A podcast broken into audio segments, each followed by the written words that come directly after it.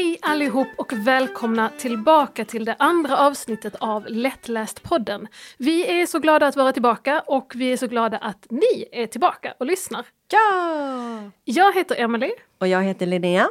och idag ska vi prata lite mer om vem som behöver lättläst. Vi kom ju in på det lite grann förra avsnittet men nu kommer vi att gå lite mer på djupet kring det. Och vi kommer att prata om läsförståelse och läsning när man har dyslexi. Och så den där spännande frågan om pojkars läsning.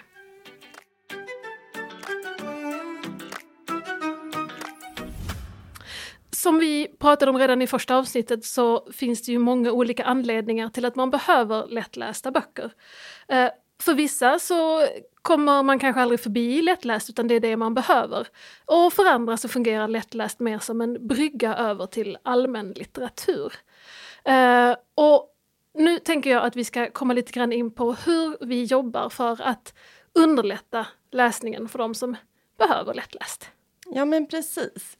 I och med att målgruppen är så pass bred, precis som vi sa i första avsnittet, eh, där det är allt från ovilliga och ovana läsare till personer med olika diagnoser eller eh, kognitiva nedsättningar, så behöver man ju anpassa det på väldigt många olika sätt. Så är det.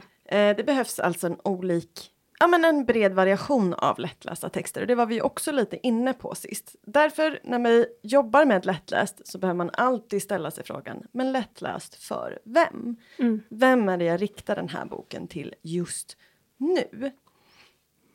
Eh, och det är ju för att vi försöker avlasta de olika delarna i den kognitiva processen som sker när vi läser. Det är nämligen väldigt mycket som händer Mm. i hjärnan när vi läser. Man tänker att det bara är så här, ja jag tittar på ett papper, jag ser text, jag läser den, färdigt. Precis, och det är väl kanske också en stark läsares blick på det hela. Ja. För för någon som har kämpat så vet man ju att det är väldigt mycket mer. När vi läser en text så måste vi till exempel börja med att avkoda bokstäverna i sig. Sen måste vi avkoda också ordet som vi läser. Vi måste få de här enskilda ljuden att bli ett sammanhang, ett ord. Och sen meningarna också. Och utöver att vi liksom ska avkoda dem, förstå varje enskilt ord och enskild mening så ska vi också tolka betydelsen i den och om vi har möjlighet även kanske skapa oss bilder av vad det här säger oss. Det här låter ju som väldigt mycket att hålla i huvudet och komma ihåg. Det är ju, arbetsminnet är ju också ett väldigt eh, stor del i den kognitiva processen som vi använder. Både den, det korta arbetsminnet, att vi ska komma ihåg vad som hände i början av meningen, när vi kommer till slutet, i början av stycket, när vi har läst hela stycket, i början av kapitlet och så vidare. Så att det är ju väldigt mycket att hålla i huvudet hela tiden som man kanske inte tänker på när läsningen är automatiserad. Och för att klara av det här så måste man ju också hålla fokus och koncentrera sig på texten. Och det Ja. vet ju alla att det är kanske inte det lättaste. Speciellt när man har svårt med de här delarna. Då kan det Mm. vara mycket annat som pockar på uppmärksamheten. Det räcker ju att man själv är lite sömnig för att man inser att, att tankarna far iväg åt alla håll och kanter eller eh, man helt enkelt inte förstår vad man läser därför att hjärnan inte riktigt är med. Nej, för att den är lite, ja men den, den kognitiva processen blev lite för mycket just Mm. då när det belastas. Eh, och en sak för att hålla fokus det är ju kanske att jobba med motivation. Det är en annan av så, de stora delarna vi jobbar med i lättläst. Att hålla läsaren motiverad att ta sig igenom meningen, sidan, kapitlet och till slut boken. Vi kan likna det här att varje sån kognitiv del är en liten pusselbit i läspusslet. Eller att det är som en vikt vi lägger i en ryggsäck. För en stark läsare, då väger de här delarna ganska lite. Vi har dem där i, men precis som Emily sa, när vi är trötta, ja men då kanske det blir en av dem blir lite tyngre. Medans annars så, så är det rätt okej. Men har man ett problem med någon av de här delarna, eller flera, då blir ryggsäcken snabbt tung. Och lättläst litteratur strävar ju efter att underlätta den här ryggsäcken, att plocka ur vikterna, att göra den lite lättare på olika sätt. Just det. Och då behöver ju olika typer av läsare olika typer av lättläst. Så kommer vi tillbaka till frågan, för vem är texten lättläst? Är jag ny till språket? Ja, men då kanske jag behöver hjälp med tolkningen eller avkodningen av orden. Det kanske inte ska vara strösslat med metaforer på det här språket som jag inte känner igen eller kan få en bra bild av. Ja just det, och sånt där som idiomatiska uttryck som vi tycker är helt rimliga och normala för vi har hört dem under hela tiden vi har växt upp. Men när man läser dem, om man inte har hört dem tidigare, så blir det helt koko bara. Ja men verkligen. Det finns väldigt mycket sånt när man börjar tänka på det. Mm. Metaforer tycker vi om i det svenska språket och liknelser också. Men Mm. det är inte helt enkelt. Både för någon som är ny i språket men också någon som kanske har en, en intellektuell funktionsnedsättning eller av annan anledning har svårt att tolka annat än bokstavligt. Precis, det räcker ju med... Barn generellt har ju en tendens att tolka ganska bokstavligt Mm. det man säger eller det de läser. Därför att man inte riktigt har lärt sig det här att man kan, man kan prata i bilder. Nej, eller att Och- saker ligger mellan raderna. Ja. Det är underförstått vad man egentligen menar. Mm. Det är stora processer att ta. Ehm, och är man eh, till exempel en läsare som inte gillar böcker, inte tycker det är så roligt att läsa, så är man ju kanske en svag läsare för att man inte har övat helt enkelt. Man Just behöver det. träna upp. Och då är det kanske inte just avkodningen som är det stora problemet. Även om det är såklart att man blir en starkare läsare även att automatisera avkodningen ju mer du läser. Men det kanske är att främst fokusera på motivationen. Och då handlar det ju jättemycket om att omslaget ska vara tillräckligt lockande för att ens ta ner den här boken från hyllan. Mm, Och sen verkligen att- att... Att, det är så många gånger jag som bibliotekarie har visat fram böcker som jag vet är superbra och kanske helt rätt för läsaren. Men när de bara har sagt blankt nej för att omslaget är fult eller slitet eller gammalt. Mm, ja men verkligen, det spelar jätte, jättestor roll. Mm. Och illustrationerna i inlagan, alltså inne i boken, lika så. Ja. Och där är ju vissa läsare också superpetiga med att det inte får finnas bilder för Mm. att då känns det helt plötsligt barnsligt. Eller att det måste vara färgbilder, eller inte ska vara färgbilder. Eller, ja, det finns så många saker som, som kan eh, vara avgörande för om man väljer en bok eller inte. Ja men verkligen, verkligen. Och så har vi kanske en målgrupp eh, med läsare som har dyslexi. Och för dem kanske egentligen inte tolkningen är det svåra. Och de kanske redan egentligen, ja, de kanske inte har jättehärliga läsupplevelser bakom sig, så de kanske också behöver motivation. Men framförallt behövs det kanske ord som är lätta att avkoda och luftiga sidor. Precis. Där man kanske är van vid berättelser och man har lyssnat jättemycket på högläsning eller, eller ljudbok eller så. Så man är van vid läsupplevelsen men där själva det tekniska är svårt. Precis, så de lättlästa texterna, då eftersträvas det ju att avlasta de här.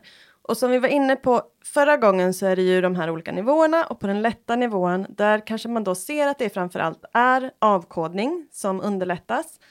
Och det är korta meningar och det är luftiga sidor. Medan på de längre är det kanske lite luddigare vad det är som faktiskt avlastas. Men då kan man ju tänka att det är de här lite större eh, abstrakta delarna. Att det är tolkning som vi underlättar och det är är eh, motivation som det hänger väldigt mycket på. Och kanske en bild som får en fokuset att dras tillbaka in i boken. För oj, vilken spännande bild det här var. Nu vill jag ju verkligen veta vad som händer i den här scenen. Och, vidare. cliffhangers i slutet på kapitlet så att man ska vilja fortsätta. Att man ska känna att man är, dras in eller dras vidare i boken hela tiden. Ja, men precis. Så lättläst jobbar ju jättemycket med nere på den här detaljnivån på texten.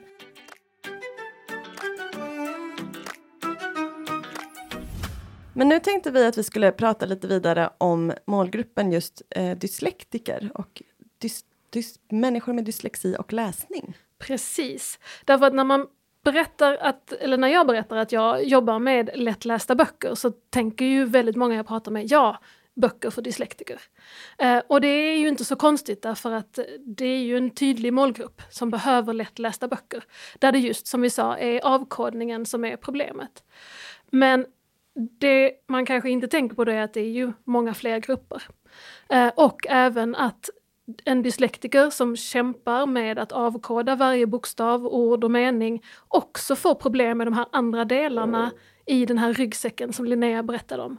Att om det tar för lång tid att läsa ut ett ord eller en mening så räcker inte arbetsminnet till. Man, man tappar helt enkelt bort sig, man får inget sammanhang i det man läser därför att det är för jobbigt, tar för lång tid. Då försvåras ju även tolkningen av det för att man inte får den här helhetsbilden ja, precis. av meningen eller stycket. Precis, så, så det är helt enkelt mycket svårare att, att, att få någon, någon vettigt sammanhang och förstå vad man läser. Eh, men sen är det ju samma sak att när det är svårt så tappar man också motivation och kanske också koncentration. Någonting som vi drar oss för att göra eller som när vi väl gör det bara är emot oss hela tiden, ja men det är klart att man liksom bara tappar fokus. Eh, så även om det kanske egentligen då är avkodningen som är det stora problemet så ger det oftast problem med alla de andra bitarna i den här ryggsäcken också. Eh, och det är väldigt viktigt att ha med sig, tänker jag, när man, när man jobbar med barns läsning och, och dyslektikers läsning, att ja, de, de förstår ju inte mindre, det är bara det att läsningen är svårare och då blir det allting mycket jobbigare. Det kan ju vara det som är också lite problemet med lättläst, att det försöker få in så många olika målgrupper som möjligt ibland mm. i samma bok. Och då kan ju någon som till exempel egentligen bara behöver hjälp med avkodningen kan tycka att en bok är lite tramsig för att den förklarar för mycket. För att det är mm. egentligen inte det här, jag behöver inte ha hjälp med att förstå vad som ligger mellan raderna. Nej, utan jag behöver precis. hjälp med avkodningen. Ja. Så det är egentligen det kluriga med lättläst, att hitta just rätt bok till rätt läsare vid rätt tillfälle. Ja, ja Ganska ofta så, så får vi ju höra att vi skulle behöva en bok som är så här lätt fast för den här åldersgruppen till exempel. Men då är det kanske en som vi tycker är en text som passar för 68-åringar eh, men det behöver vara så enkel fast för en 13-åring. Och det är ju det kan ju ibland vara svårt att lyckas, lyckas få en djup berättelse också då. Mm, det är en utmaning också att hitta rätt ämne som skulle mm. passa på det och att den ska vara en åldersadekvat berättelse. Precis. Så det är många olika eh, aspekter att ha med eh, i när man gör lättlästa böcker. Verkligen. Eh, men just det här med dyslexi, det är ju att en av de viktigaste sakerna för en person med dyslexi är ju att man får hjälp så tidigt som möjligt. Eh, därför att ju längre tid man går i skolan utan att riktigt hänga med i läsningen, desto större blir glappet upp mot, mot de andra i klassen som kan, där, där läsningen kanske fungerar. Därför att texterna blir hela tiden svårare, man går från att läsa för att läsa, för att lära sig läsa, till att läsa för att lära sig andra saker. Och om man då inte hänger med i de texterna, då lär man ju sig inte det där andra heller. Och glappet ökar och ökar och ökar för texterna blir svårare och det är fler och fler ord som man faktiskt inte kan läsa ut för att de blir långa, det är kom, kanske komplicerade termer eller helt enkelt svårare ord som man, som man inte får rätt på. Och är det något vi vet så är det ju att hamnar man efter i skolan snabbt så blir man också omotiverad att lära sig för att du, ja. det hänger så starkt ihop med självbilden också. Att vara någon som klarar något eller att vara någon som inte klarar något. Ja. Därför är det ju också viktigt såklart att upptäcka så fort som möjligt för att stärka barnets självbild som en lärande person. Mm.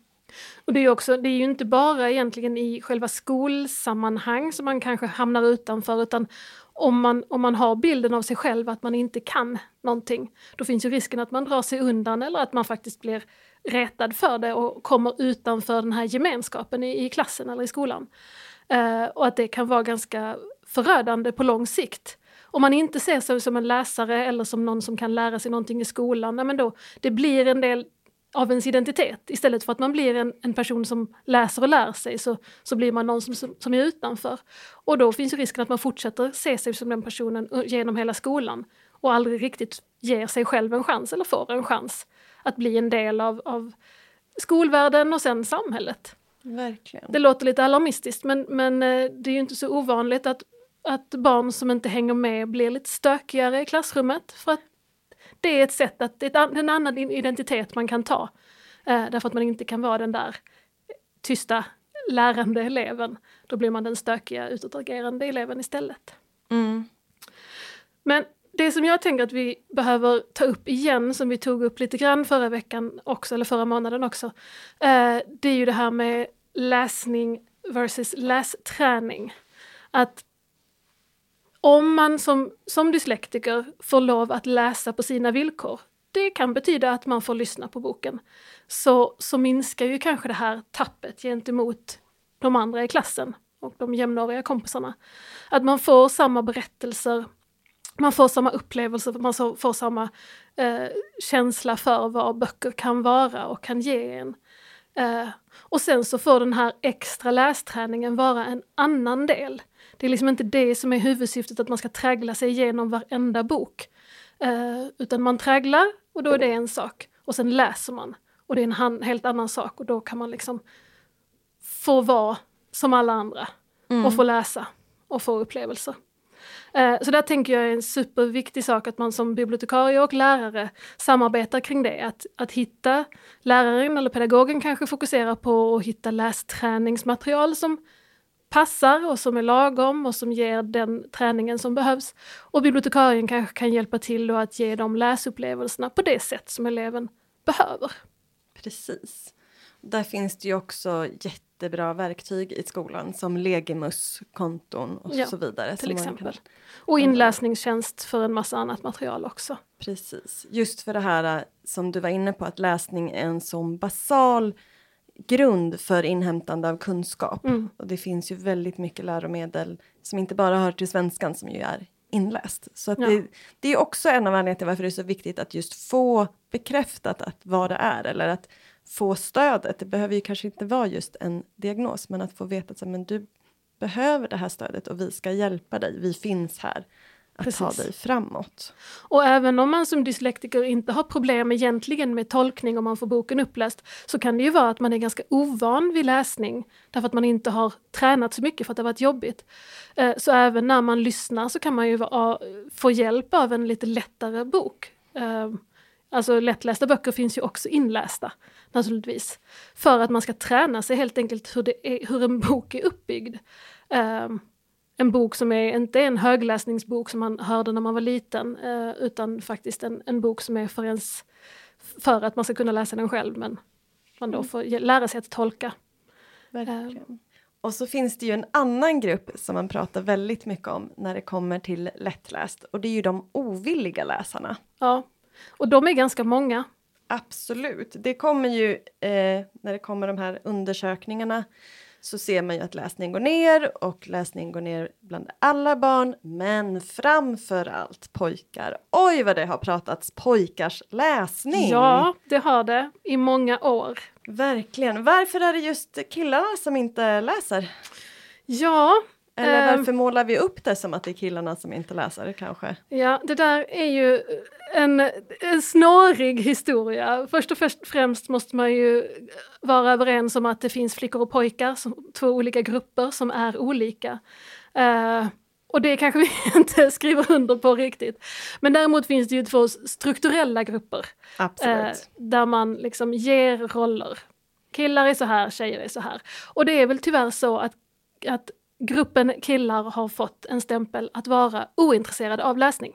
Och kanske också att det inte är något som anses coolt. Att Nej. vara en stark läsare som pojke är inte en statusposition. Nej. Vilket ju är spännande historiskt egentligen eftersom det läsandet har varit manligt kodat otroligt länge. Ja. Eh, kvinnor fick ju inte läsa, det var ju, det var ju dåligt för dem. Absolut, usch ja. vad hemskt. Tänka själva. Ja, nej men precis. Så eh, eftersom det då eh, kanske saknas manliga läsande förebilder så förstärks ju hela tiden den här bilden av att killar inte läser. Eh, man har ju sett till exempel, nu börjar det bli en ganska gammal referens, men när Zlatan-boken kom då, mm. för, jag vet inte, är det 15 år sedan? Jag minns inte. Vågar inte ta gift på det. Nej, men då plötsligt så gick ju pojkars läsning upp därför att det fanns en förebild som hade skrivit en bok. Mm. Eh, och då var det lite coolare att läsa den helt enkelt. Så det visar ju hur, hur viktigt det är att det finns förebilder som är, har en litterär koppling. Verkligen, verkligen. Um, och sen är det väl lite Ja, men du, du var ju inne på det här med strukturella grupper och egentligen om vi ska prata lite om vad det betyder. Eh, för det handlar ju om att det finns normer, alltså beteenden som främjas beroende på vad du är för eh, vad du är tilldelad för kön från början. Där vi framförallt också har sett forskning visar att man pratar mycket mer med små flickbebisar än mm. pojkbebisar så redan där har liksom tjejer vunnit i språket. Vilket ju då som vi var lite inne på sist också att har du ett rikt språk så har du lättare att läsa. Har du lättare att läsa läser du mer och berikar ditt språk. Mm. Det blir liksom en spiral som bara fortsätter och samma åt andra hållet. Mm, att såklart. Har du ett fattigt språk eller ett mindre rikt språk så är det tung, tyngre att läsa, vilket gör det mer motståndigt, vilket kanske gör att du är så här, nej men läsning är inget för mig. Mm. Du får ingen övning och det blir bara tyngre. Och Precis. Tyngre. Man, man tar ju heller inte gärna en identitet som något som man är dålig på. Nej. Alltså, det är ju så. Jag läser och därför är jag en läsare, men tycker jag det är skittråkigt eller jättesvårt att läsa, då, då tillskriver jag ju mig inte identiteten läsare om det är någonting jag ogillar att göra. Liksom. Nej. Och då är det ju svårare. Alltså så många barn jag haft i biblioteket när de har kommit med föräldrar eller klasser och som ska bara hjälp den här att hitta en bok och så man säger men vad tycker du om? Nej, ingenting. Ja, men om du inte tänker på böcker, vad tycker du om då? då? Så här, ja, men jag tycker om dataspel och då får man ju lite hitta den vägen och så här okej, okay, men den här boken om en mm. Minecraft-zombie, den kanske hade funkat jättebra. Eller, ja. men har du läst Fortnite-spelguiden? Ja, just det. Alltså lite, Precis. allting får gå vid ett visst tillfälle också, men att man får försöka hitta de här luckorna in hos den ovilliga läsaren. Mm. Det finns eh, nog också tyvärr tendenser hos lärare när det gäller att välja böcker. Att man väljer ämnen som kanske generellt sett tilltalar tjejer mer. Mm. Uh, att det är mycket sånt som, som ser lite mjukt ut på utsidan åtminstone.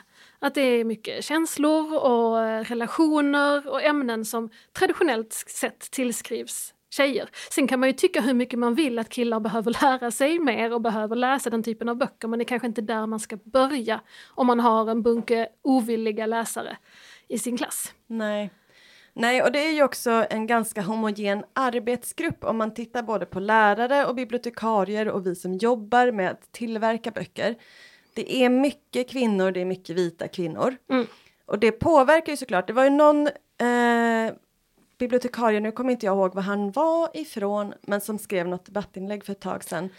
Eh, där han... Nej, jag kommer inte heller ihåg var han jobbade. Ja, men han hade i alla fall, han eh, skulle dö på kullen för den här boken om någon barbröstad björnbrottare.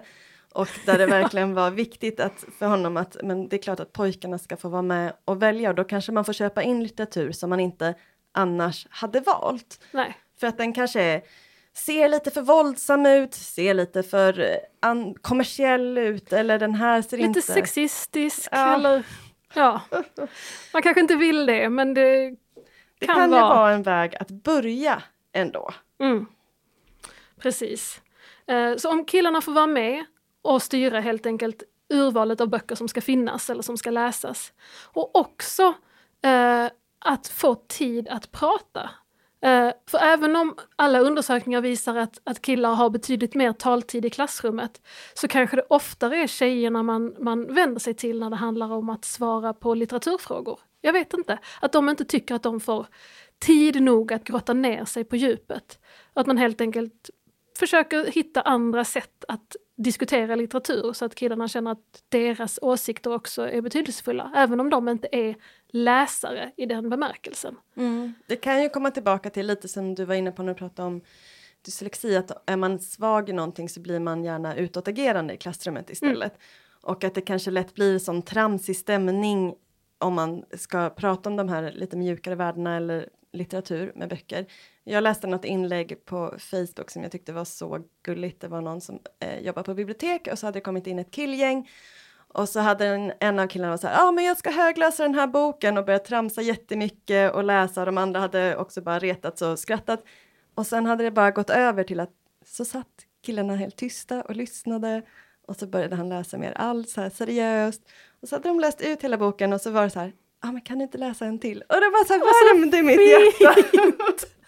så himla himla fint. Så jag tänker också lite det, att så här, ge chansen att komma över den här tramskullen Ja. På något vis. Men jag tänker också att det är jättemycket, hur pratar vi om läsning med killar? Mm. För om vi hela, hela tiden pratar så att du måste läsa, det är så viktigt med läsning, det är så nyttigt med läsning, du behöver läsning, du behöver det för att inte komma efter. Ja, men då blir det ju som när man pratar med småbarn om grönsaker, så här, jo men liksom redan innan de har smakat så här, du måste äta grönsakerna. Just det. Det är jätteviktigt. Det är jätteviktigt. Det är ingen som är så här, jo men du måste äta glassen nu. Det Nej. är jätteviktigt. För att så här, det är lustfyllt redan från början, men om man är så här, åh, har du kollat vilken härlig röd paprika? Eller, ah, den här boken, jag blev alldeles varm när jag läste den, det var så himla härligt. Och personen i boken, alltså pratar vi om det på ett sätt som att man missar något om man läser, inte läser, tror jag att vi vinner på det. Alltså spela på deras FOMO, allt vad vi kan. Man vill ju inte vara den som inte har hängt med. Nej men precis. Återigen. Eh, nej men det tror jag faktiskt är en, en, jättebra, en jättebra sätt att prata läsning. Verkligen att det här är någonting som du inte vill vara utan. Eh, och det här har jag eh, stött på på flera olika ställen att prata om varför. Inte då kanske nödvändigtvis det här nyttiga eh, broccolibiten eh, på det sättet varför, utan att bara, men vad kan det ge dig? Eh, inte kanske i form av nyttigheter utan bara i form av upplevelse eller känsla eller vad det nu kan vara. Men att, vara, att presentera ett tydligt varför som inte känns trist. Liksom.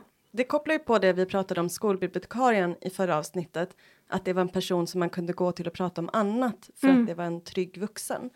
Att då kanske man har pratat om någonting annat och som bibliotekarie kan vara så här. Ja men de här böckerna, här händer det ungefär lite samma. Det här kanske du kan identifiera dig med Mm, och liksom känna lite relationsskapande i det. precis.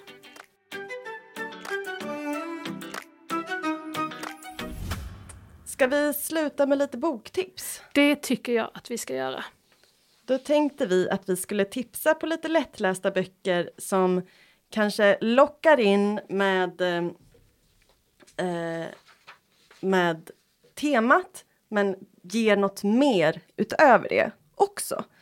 Ehm, och fotboll alltså, det är ju en Ja. grej. Du var ju inne på Zlatan. Ja, Och det är ju en väldigt bra fond för att få killar att läsa. Men mycket böcker om fotboll handlar ju också om relationer, om känslor och hantera olika saker utöver fotbollen.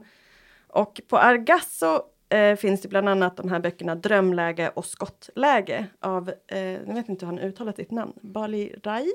Ja tror jag. Ja. Ja, eh, som gör också så väldigt mycket mer också med laget. Och sen så finns det ju en serie om eh, Johan på Nypon tror jag det är. Eh, där alla heter någonting med Zlatan, alla böckerna i alla fall. Så bara namnet lockar ju. Alltså, Verkligen. alla barn som jag hade på biblioteket lånade fotbollsböcker så fort det stod Messi eller Zlatan så bara okej, den var utlånad. Ja. Så att det drog ju verkligen in. Men de böckerna handlar så mycket om känslor. Det handlar om kärlek, han blir ihop med någon tjej som heter Ella och det handlar om hans självbild för att han har det väldigt svårt i skolan själv, jättesvårt att läsa och skriva. Och hur den självbilden liksom påverkar alla hans val. Framöver i livet. Så den är otroligt mycket känslor.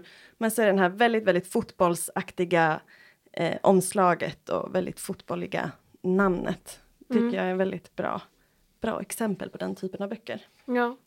Och ett annat sånt klassiskt ämne som, som eh, brukar funka det är ju som Linnea nämnde redan innan här, eh, spel. Eh, det finns ju Minecraft Zombie på eh, Hegas som eh, är kanske ganska tramsiga på ytan och verkar lite oseriösa men som egentligen bara är böcker om relationer och, och eh, liksom att vara vän. Ja, det är ju väldigt mycket. Hur är man en bra kompis? Ja, hela tiden tillbaka till det. Men så är det liksom förlagt i en Minecraft-värld och då finns det plötsligt eh, lite mindre motstånd för läsovilliga. Kanske, kanske framförallt killar då. Mm. Och sen hittade jag en, eh, en bok då från Hedvig som hette eh, Superkaninen räddar världen. Där ramhistorien väl egentligen är en pojke som sitter och spelar sitt Gameboy-aktiga spel. Som handlar om den här superkaninen. Och som egentligen, Alltså det är ju ett riktigt så här, bilderna är väldigt speliga, eh, pixliga och sådär. Och egentligen handlar det om att testa igen när det inte går som man vill. Att liksom inte ge upp utan bara försöka igen och igen tills man lyckas. Och eh, det är ju någonting som många barn egentligen behöver träna på. Att, ja, men, jag kan inte spela piano, piano första gången jag sätter mig, jag kan inte heller spela fotboll första gången jag testar. Att man måste, man måste träna på saker. Verkligen. Man kanske inte heller kan läsa första gången man försöker. Nej. Um, sen måste ju inte alla böcker ha ett en bakomliggande syfte. Ibland får det ju också bara vara underhållning, som den här björnbrottaren eller vad det nu var. Ja. Alltså det får också bara vara en stunds förströelse. Uh, och det är ju helt okej, okay. men om man vill att det ska finnas någonting bakom så behöver man oftast bara skrapa lite, lite, lite grann på ytan för att hitta att det finns ett, ett annat, lite djupare tema. Där. Ja, men verkligen. Och det var allt vi hade för idag tror jag. Ja, det var det nog. Vi ska bara lägga till det eh, att källor på sånt som vi har pratat om kan ni hitta i avsnittsbeskrivningen och det gäller även första avsnittet. Precis. Ja. Men eh, nu hörs vi nästa gång 6 mars. Precis, och då får vi besök här i studion av en författare. Då ska vi prata lättläst fantasy. Det blir roligt tycker jag. Jättekul. Vi hörs då. Det gör vi. Hej då!